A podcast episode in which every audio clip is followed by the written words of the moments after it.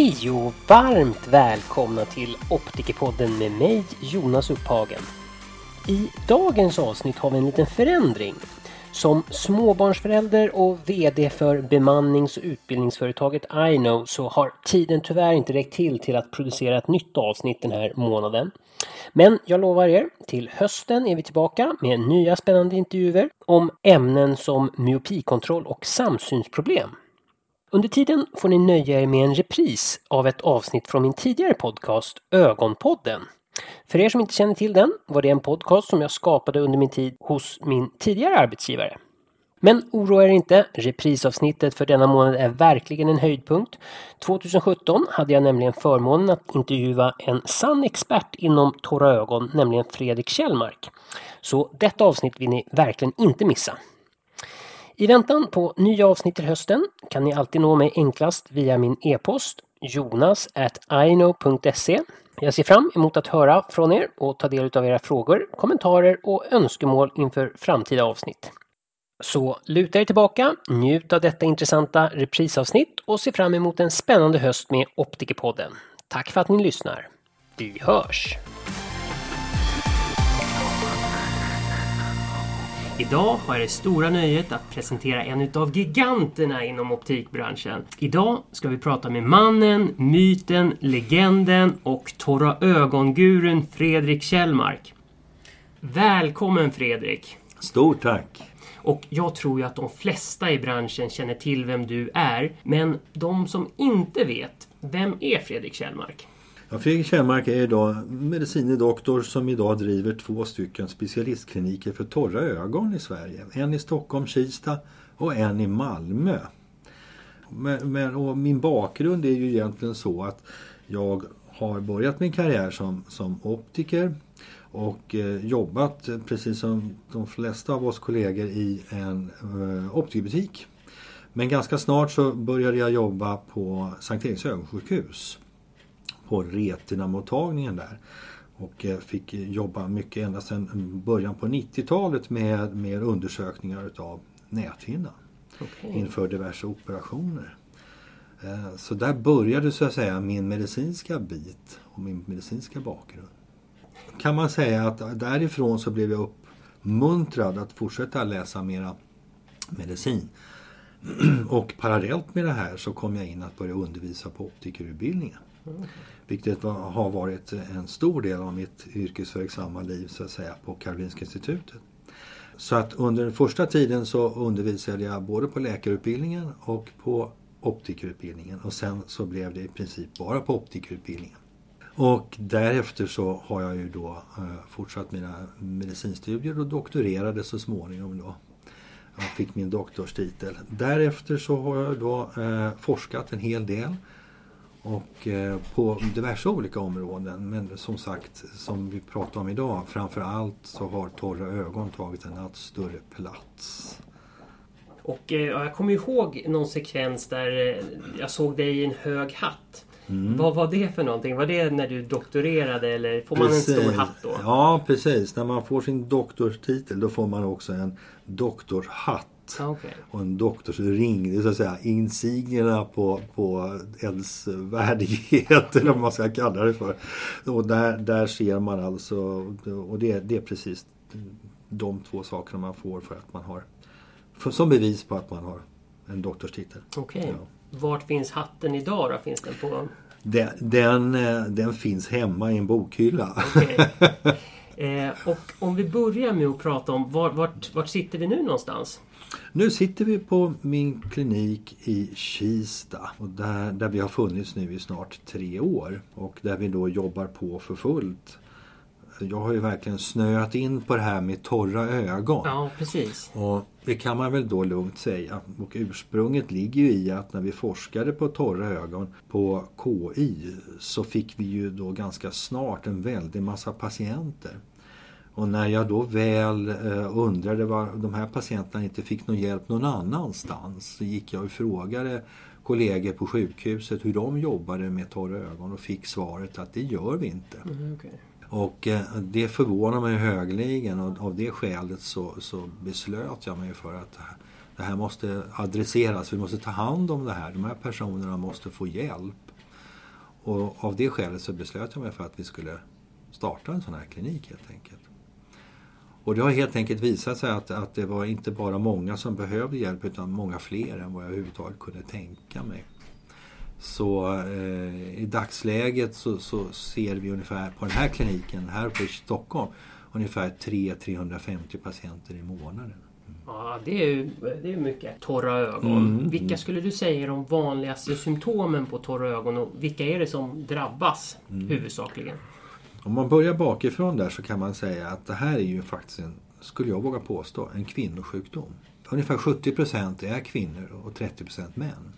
Så visst finns det män som har stora problem, inget, inget om det. Men det är absolut överdominerande, det är kvinnor. Och eh, symptomen man får, det kan vara väldigt krångliga saker för de liknar ofta andra problem med ögonen. Eh, man kan ha kliande ögon och därför kan det vara likt allergier. Man kan ha röda ögon och därför kan det vara likt konjunktiviter. Mm. Man kan ha röda ögonlockskanter och, som då faktiskt är blefariter. Eh, men klåda, sveda, rödhet, grusiga ögon, ögon som kan vara så fastklistrade på morgonen att man har svårt att öppna dem för att de har klistrat fast sig mot, mot eh, ögat. Ögonlocken har klistrat fast sig mot ögat. Det är väl ganska typiska symptom. Sen så kan man ha i princip alla de här symptomen eller ett par symptom. Man måste inte ha alla på en gång naturligtvis. Men det finns det de som har. Och allt har att göra med hur länge man har haft problemet. Så så kan man säga. Och ska man, då, ska man då lyssna då är det precis som vi har sagt. Det är väldigt viktigt för den som ska ta hand om en person med torra ögon att just lyssna på vad den här personen berättar. Symptomen säger väldigt mycket om eh, typen av besvär. Och ju mer man kan om det här så vet man också att vissa typer av symptom också direkt kan kopplas till ja, vissa typer av fel på ögats yta. Mm, okay. Som gör att man får en bra förståelse för vad man ska börja titta på. Precis som när man ställer en, anamnes för att undersöka en person som har svårt med synen. Alltså. Det finns ju olika sätt. Det finns ju massa olika sätt att bedöma torra ögon. Men om man har tillgång bara till ett biomikroskop, vad skulle du säga att man ska titta på då för att kunna bedöma torra ögon? Jag vet att man har tidigare pratat om break-up time, men det vet jag att du inte är helt förtjust i. Eller? Ja, precis så är det så att, att uh, man kan kort utveckla det så här att vi, vi, är ganska, vi är ganska efter oss i Norden då det gäller ögonsjukvård på torra ögon. Här har, vi inte, här har det inte hänt så mycket på en väldig massa år. Och eh, det visar sig också i hur man har undervisat hur man undersöker torra ögon. Men om man bara har ett biomikroskop så kan man komma väldigt långt. Och det har man i princip på alla optiker idag. Och det gör ju det att man som optiker på en butik idag kan göra väldigt mycket för en person med torra ögon. Och komma fram till väldigt mycket då det gäller diagnosen. Man ska alltid börja med att titta på till exempel tårproduktionen och då finns det olika sätt att göra det. Eh, ett klassiskt vanligt sätt det var att göra det med något som heter Schirmer-test. Som är långa lackmuspapper som när man hänger in dem i ögonen absolut kommer reta ögat till att producera mycket tårar. Och får man då inga tårar där, då har man per definition inga tårar alls. Eh, så att ofta ger det fel värden åt det förmyckna hållet så att säga. Eh, och då finns det många som väljer att lägga lite bedömning istället för att det inte ska reta så mycket. Men misstaget man begår då det är att man helt enkelt Eh, bedövar också de reflexer som ska producera tårar. Och då får man för lite mätvärden. Så därför brukar jag rekommendera en metod som kallas för fenolröd tråd, eller PRT.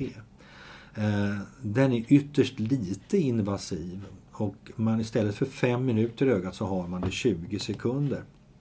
Och det kommer ge ett betydligt mycket mer repeterbart och mera eh, upprepningsbart värde och bättre mätvärde. Och där får man väldigt mycket information. Sen ska man fortsätta naturligtvis att titta på ögats ögonlock, titta på hur det ser ut i ögonfransar, om det sitter krustor, eller om man är röd, ögonlockskanterna, om det kan vara blefariter. Om, om man tittar på ögonlockskanterna i lite hög förstoring så ser man väldigt bra också öppningarna till de maybomska fettproducerande körtlarna. Och här kan man alltså också se om det ser ut som det sitter proppar i dem eller inte. Sen pratade du lite grann också om det här med break-up time. Det är mm. naturligtvis så att om vi får upp för lite fett i vår tårvätska så kommer den att spricka upp för snabbt. Eh, och det mäter man traditionellt med något som kallas för break-up time där man då häller fluorosin blandat med lite koksalt-lösning i ögat.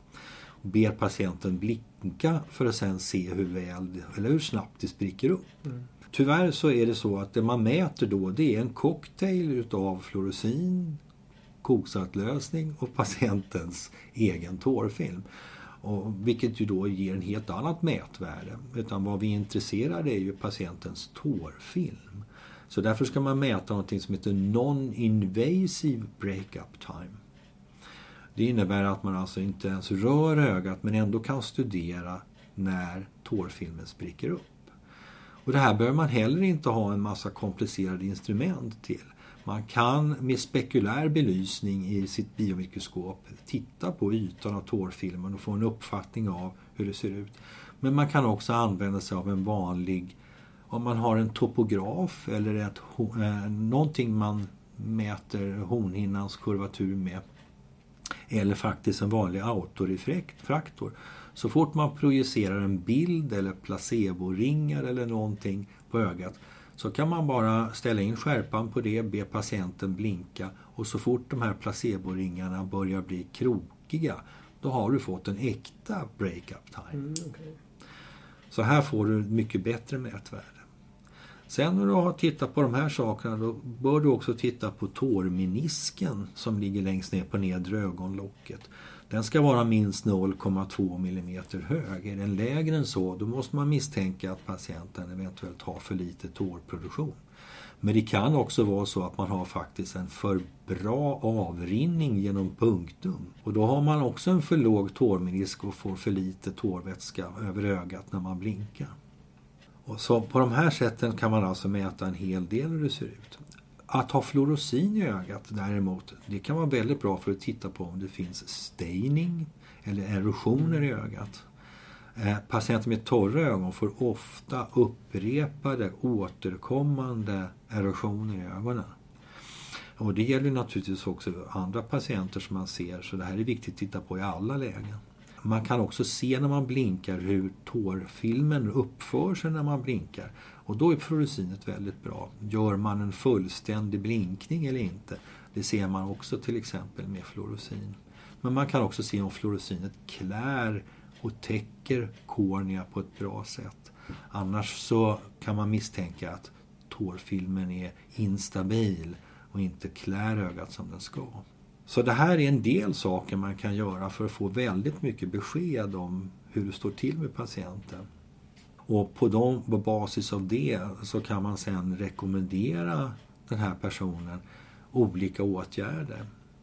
Och då kan det vara till exempel som att man erbjuder en person att arbeta med värme för att smälta eventuellt stelt fett som har proppat igen körtlarna.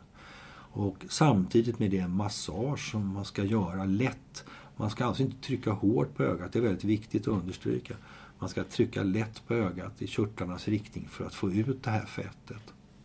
På det sättet så kan man alltså få ut mer och mer av stelnat fett och personen kan alltså förhoppningsvis få igång sin fettproduktion bättre. Man kan behöva ha så kallade smörjande droppar parallellt med det här. Smörjande droppar är aldrig någonting som botar eller lagar någonting men det kan vara väldigt komfortabelt om man slipper besvär. Så det kan man rekommendera, men det ska man alltid rekommendera en droppe utan konserveringsmedel.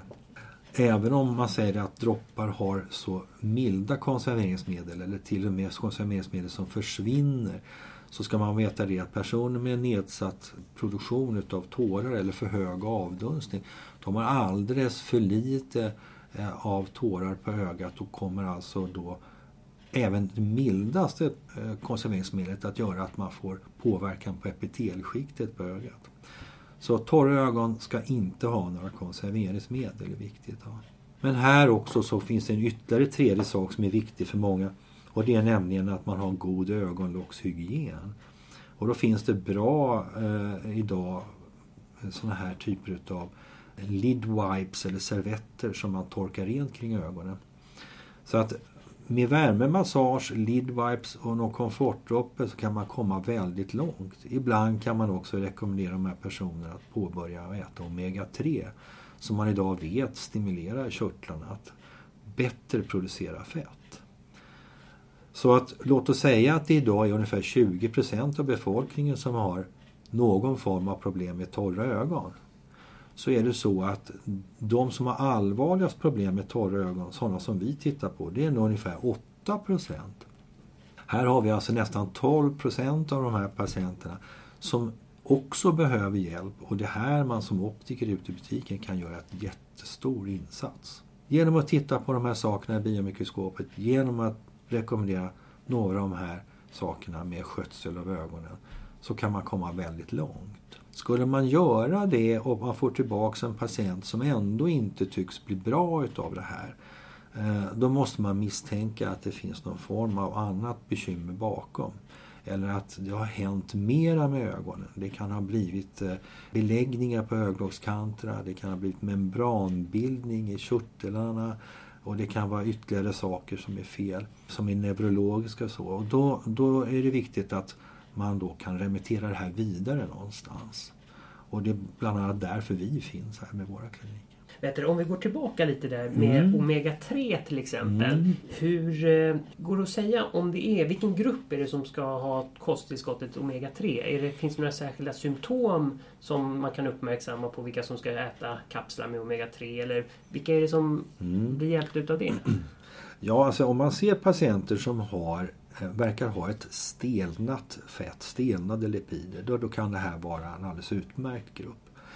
Däremot om man trycker på ögonlockskanterna och tittar i biomikroskopet och ser ett fint lättrinnande sekret, då är det här inte nödvändigtvis några som har stor glädje av omega-3.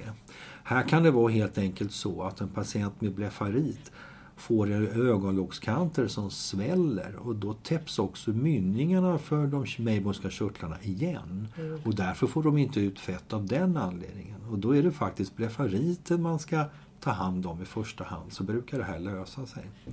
Så att, eh, men däremot ofta om man misstänker alltså att det är fel på fettet, att fettets kvalitet inte är som det ska, då har man anledning, tycker jag, att rekommendera omega-3. Mm, okay. Ja, jag jobbar ju en del inom refraktiv kirurgi och då vill vi göra bedömning utav ögonen innan så att vi undviker att operera de som har tendenser till torra ögon. Och då jobbar jag mycket efter de, eh, den beskrivningen som du har gjort. Det jag inte jobbar med det är ju fenolröd tråd. Och, men det kanske är någonting man skulle införskaffa. Vad tycker du? Är det någonting man ska ha på, om man ska göra en, en bedömning utav torra ögon? Ja, det tycker jag absolut. Alltså i, I alla situationer, men inte minst då för dig som jobbar med refraktiv kirurgi. Därför att eh, här uppstår ibland ett problem. Refraktiv kirurgi, framförallt om man gör flappkirurgi av något slag, faktiskt vilket slag som mm. helst, så kommer man att kapa vissa utav de nerver som går in från limbus och upp genom hornhinnan och till slut penetrerar och ligger öppet som nakna nervänder i epitelet. Det här vet man ju också växer tillbaka eh, hyggligt hos de allra flesta.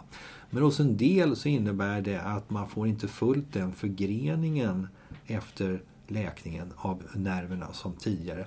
Morfologin ser alltså annorlunda ut och då får man en något sämre helt enkelt känslighet i hornhinnan. Vilket innebär att man kommer få lite lägre tårproduktion om man har otur. Har man bra fettproduktion så så spelar det ingen större roll för då täcker det ena det andra. Men många av de här patienterna de har börjat få en liten dålig fettproduktion eller en dålig fettkvalitet men klarar sig tack vare bra tårproduktion.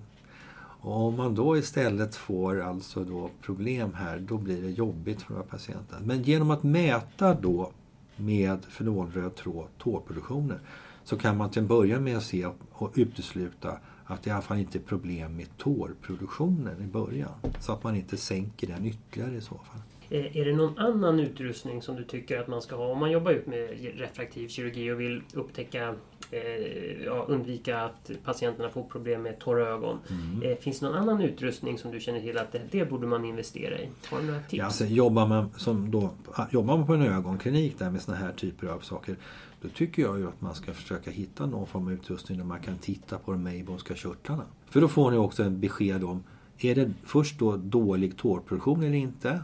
Eller har man problem med en underproduktion av lipider eller inte? Och genom de två enkla mätarna så kan man ganska snabbt säga att det här är en bra och lämplig patient att operera och det här är en sämre patient att operera. Om sen övriga ögat är friskt. Alltså. Mm. Då är det en tillsats man köper till topografen? Eller? Ja, till exempel det. Ja, precis. Okay. Och för att bedöma Meiboms körtlar till exempel, mm. hur, hur blir man bättre på det? Finns det kurser att gå eller hur, vad, vad, finns nej, det? Eller får man nej, idag studera? finns det ju inga kurser men man kan ju säga så här att, att precis som med så mycket annat så är det övning, övning, övning Eh, som behövs. Man måste titta på de här, man måste förstå inte bara om det är mycket eller lite fett i dem utan så småningom lär man sig också förstå huruvida fettet som finns i dem är förändrat. Det kan bli stas i de här körtlarna vilket innebär att det alltså inte kan komma ut någonting och då växer alltså körtlarna på bredden istället. Så att efterhand lär man sig tolka de här bilderna bättre men redan från början så är det ganska lätt tolkat att till exempel bara se om det blir för lite eller för mycket fett som finns i körtlarna. Mm. Så det, det, och här ska man också då, när man ändå pratar med patienten, fråga till exempel om han eller hon har genomgått många vaglar. Eller har haft till och med operation för vaglar. För att vaglar är väldigt bra på att ställa till det med ärrbildning i de här körtelområdena så att man får fler områden som är utslagna. Och här kan det också vara bra att göra den här undersökningen med, med eh, mammografi. Mm, okay. ja, du var inne lite där på refraktiv kirurgi och du, du nämnde flap-tekniken. Mm. Men pratar du bara olika varianter utav LASIK då? Eller men, är det här komplikationer som kan uppstå även efter en LASIK menar du? Ja, LASIK, LASIK, SMILE, eh, okay. vad, du, vad du vill. Va? Nu är ju Smile till exempel en ny teknik, relativt i alla fall, där man inte har lika stort område som man skär i. Mm. Och då blir det naturligtvis mindre påverkan. Men annars så, så, är, det, så är det en viss påverkan där. Och det, det ska man bara vara medveten om, även om det är naturligtvis ganska få som drabbas utav det här. Så för att undvika dem också så är det värt att göra de här undersökningarna. Ja, men det, här är ju, det, det, är ju superintressant det här området. Och eh, vi, du var inne här på vad, eh, vad som man ska, ja, vad man i butik kanske behöver skicka vidare till dig. Mm. Finns det någonting som, som du känner att det här kan inte jag behandla, det här måste jag skicka vidare till en annan instans, till en ögonläkare. Mm. Vad finns det för saker som du behöver skicka vidare?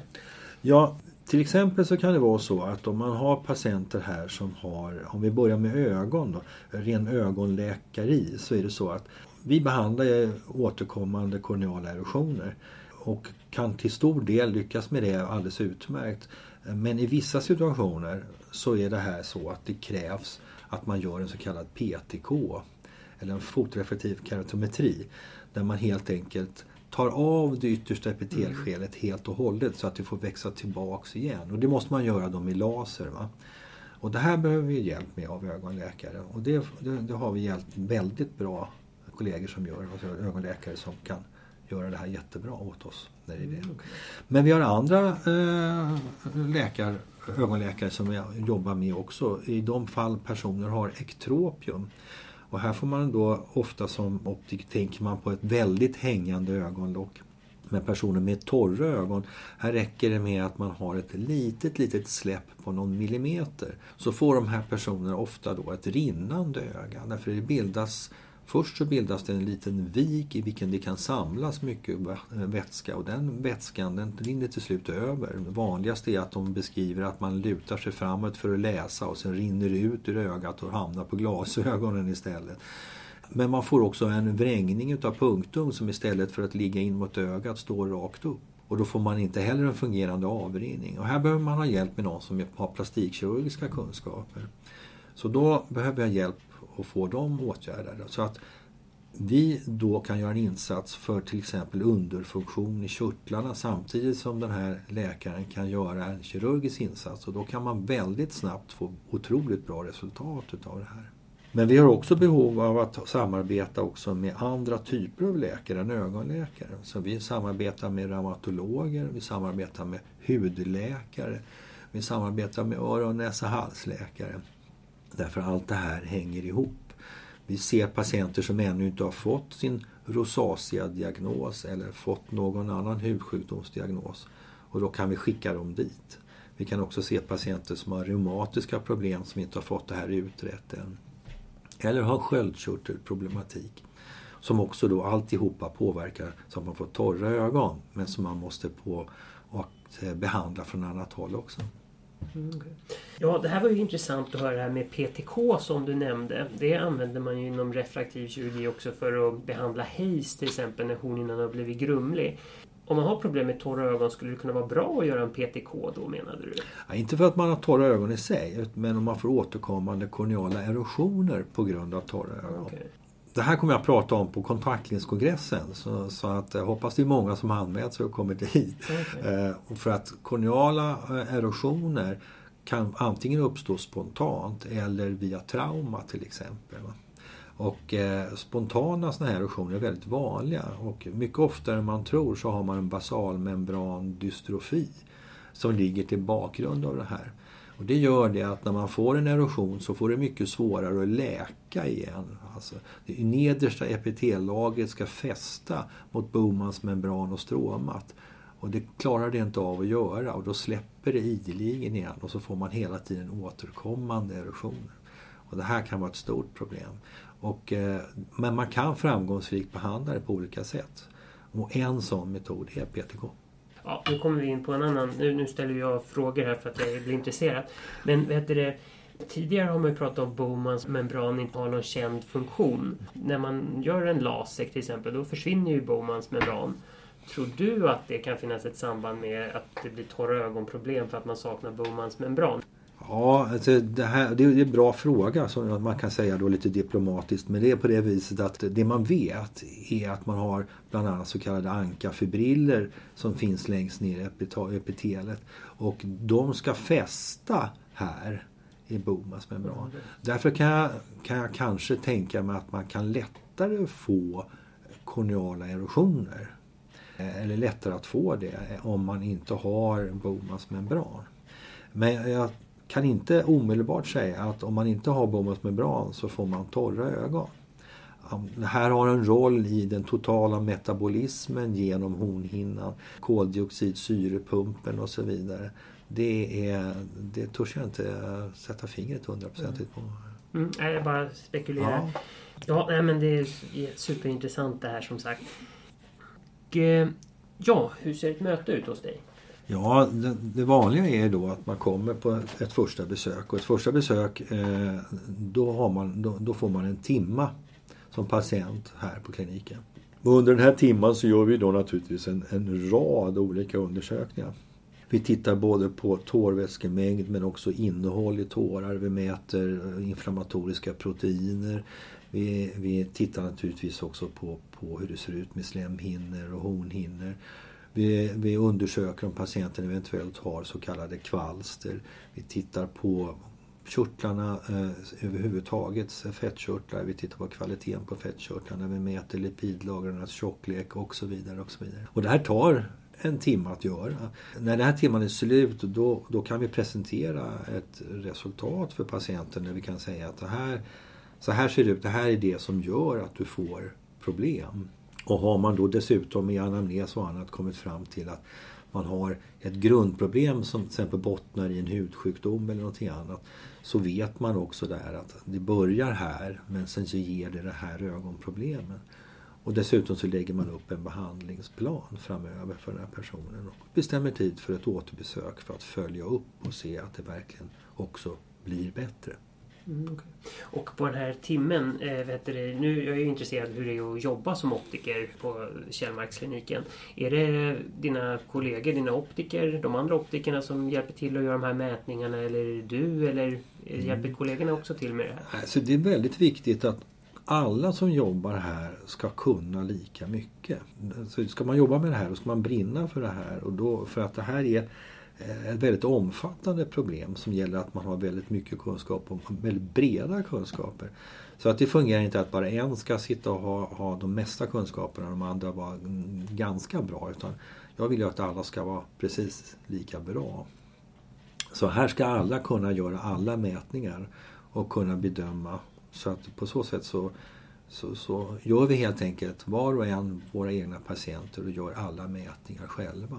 Mm, okay. Så att det är inte som att, äh, vet det, när man jobbar på en ögonklinik att de andra optikerna som jobbar här de gör förberedande mätningar och sen så träffar patienten dig i slutändan. Eller är det så det Nej, så är det inte alls. Utan att jag anser ju att, att, att eh, visst, du kan genom att få en mätning i din hand skapa en uppfattning om, om, om, problemet. Men du får ännu bättre information om du har gjort mätningen själv. Om du verkligen har sett hur det ser ut. Eh, då får du ännu djupare förståelse för problemet. Så därför ska alla kunna göra alla mätningar och gör så också. Mm, okay. eh, och eh, ja, om man vill remittera till dig då, då, är det som en, då skickar man som en vanlig remiss till Källmarkskliniken. Ja precis och det tycker jag man ska göra. Alltså skriva en remiss. Det går naturligtvis bra att bara rekommendera patienten att höra av sig. Men det fina med att skriva en remiss det är ju naturligtvis att man får en feedback. För att eh, eh den här patienten kanske är en kontaktlinspatient kanske en redan patient som man haft som bara har burit kontaktlinser länge men inte längre kan det längre. Eller en som kommit för att just vilja ha kontaktlinser och som just nu inte kan det. Och då kan vi utbyta erfarenhet mellan varandra och på så sätt också så kommer den här patienten sen tillbaks för att passa till sina kontaktlinser eller få nya linser när man blivit bättre.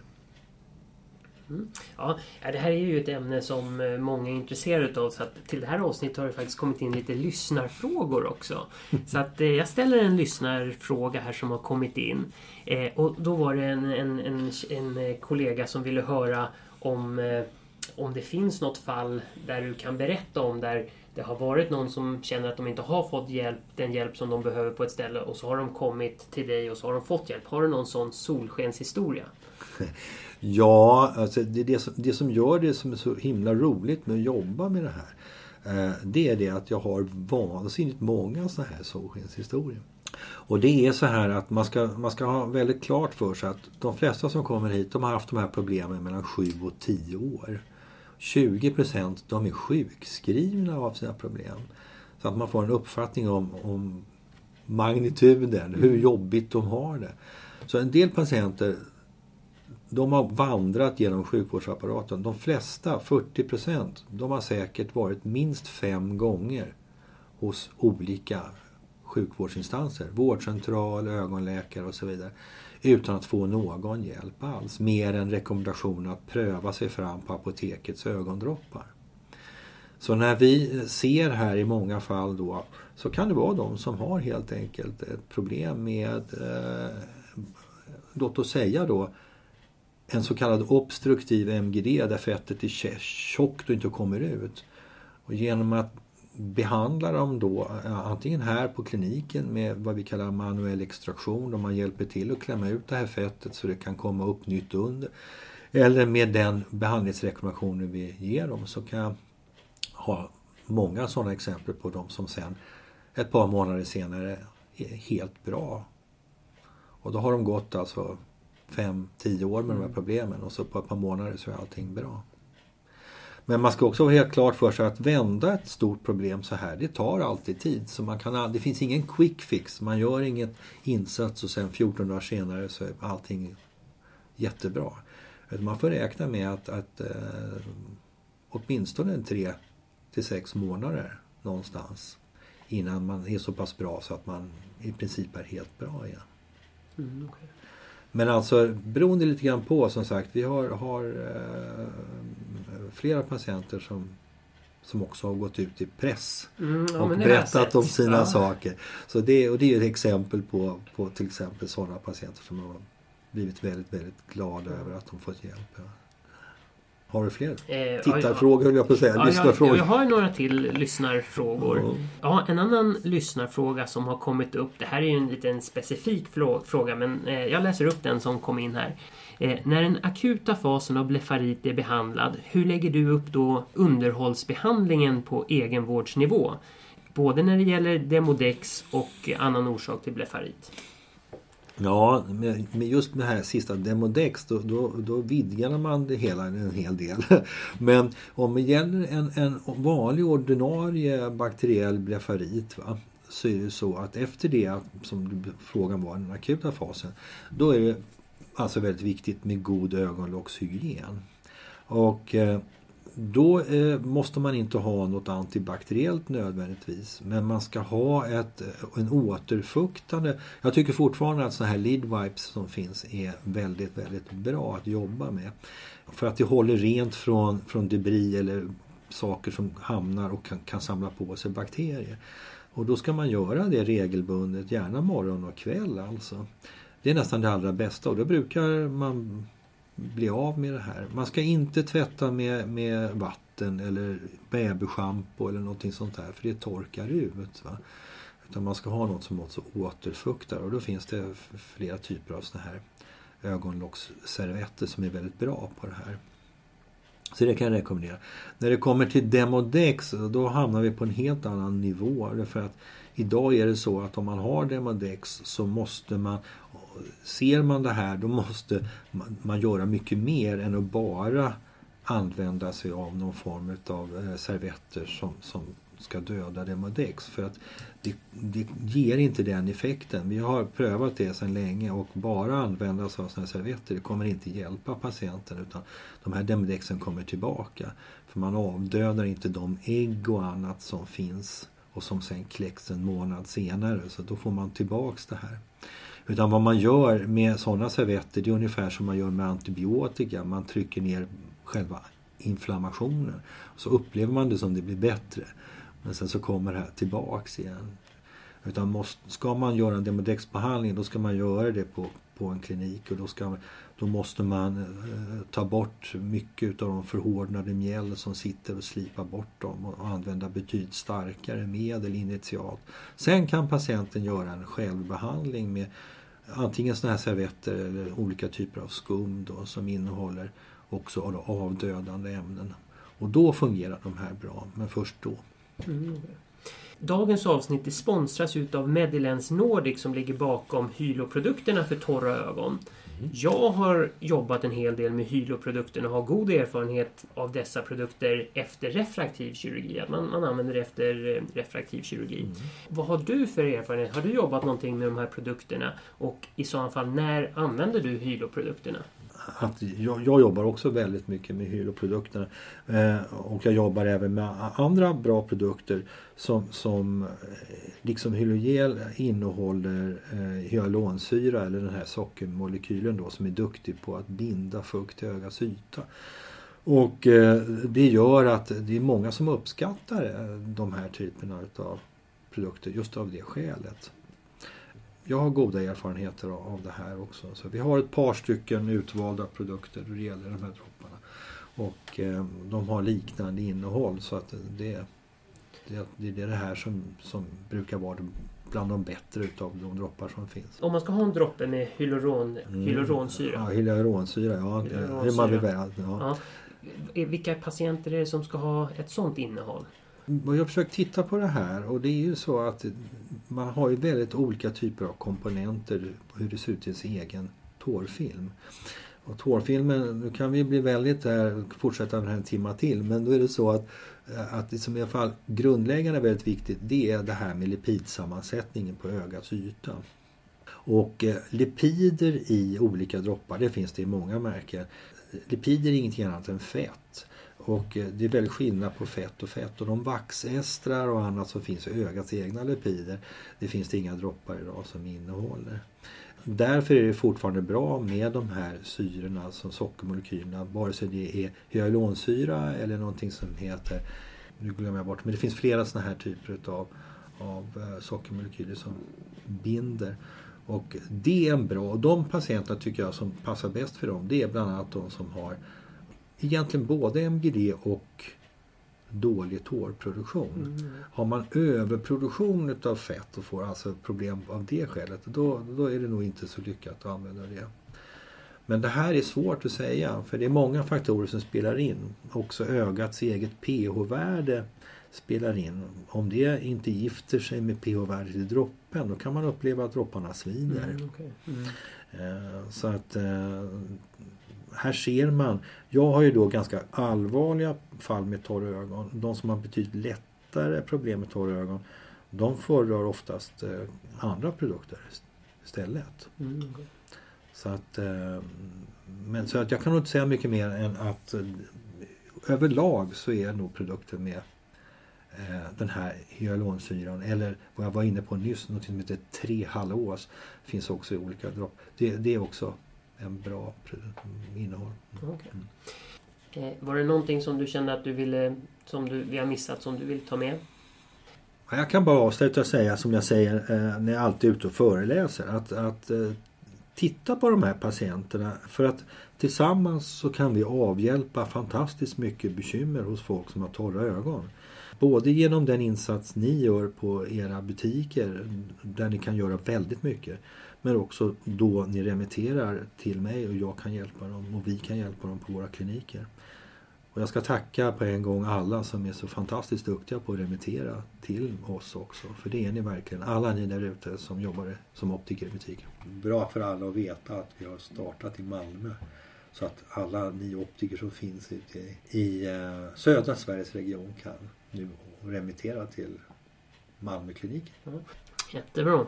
Men då ska vi avsluta med det här momentet som jag kallar för snabba korta frågor. Glasögon eller kontaktlinser, vad föredrar du? Ja, glasögon. Ja, det är klart. Då slipper du mindre problem med torra ögon. Översynthet eller närsynthet? Har du någon favoritsynfel? Ja, nej, favoritsynfelet är, är att man är emetrop. Okay. jag är själv översynt. Okay. Ja, vad säger du till dina personer som kommer till dig? Är det kunder eller det patienter? De är patienter. Om, om vi pratar glasögon, föredrar du... Ja, du jobbar ju ingenting med, med glas egentligen. Nej, jag gör inte det. Men jag har ju progressiva glas själv. Så att du föredrar Så det progressiva? progressiva glas. Okej. Okay. Eh, ja, den här frågan då. LASEK eller LASIK? Om du måste välja, har du någon som du tycker är bättre än den ena eller andra? Pest eller kolera, gör RLE. Okej. Okay. okay. är förslaget kanske. Ja, okay. ja, det är intressant. Mm. Tack Fredrik för att du tog dig tid att vara med i Ögonpodden. Det var superintressant som vanligt när man pratar med dig. Och jättelärorikt som vanligt och jättekul att veta mer om dig och Källmarkskliniken och Torra ögon. Jättekul att jag fick eh, vara med. Det är hemskt kul ja, som sagt, nöjet är helt på min, på min sida. Och tack till alla lyssnare för att ni lyssnar och tack till Bright Optical Solutions som hjälper till i skapandet av Ögonpodden. På återhörande.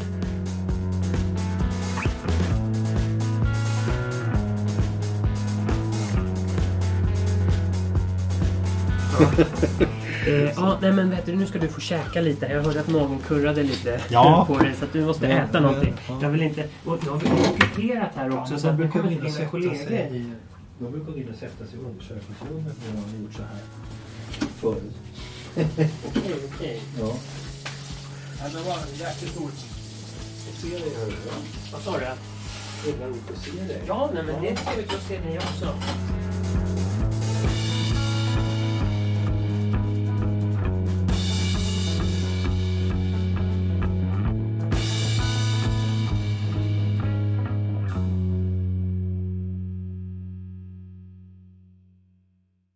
Hilo-serien ögondroppar lindrar torra ögon och är helt fria från konserveringsmedel. Ändå håller de sig i sex månader efter att ha öppnats. Den smarta pumpflaskan ger dig alltid exakt mängd av den högkvalitativa hyaluronsyran. Hyloseriens smörjande ögondroppar finns hos de flesta apotek och optiker.